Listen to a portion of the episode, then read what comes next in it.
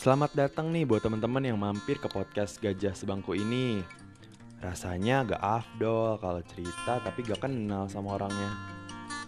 So, nama gue Epan. Gue udah lulus sekolah wajib 12 tahun.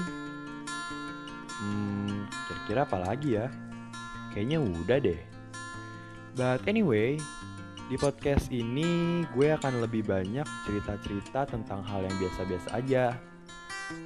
Dengan harapan dari pengalaman yang nanti gue ceritain, kalian bisa ngambil intisari dan hal baiknya dari situ. Akhir kata, gue ucapin selamat malam dan selamat beristirahat.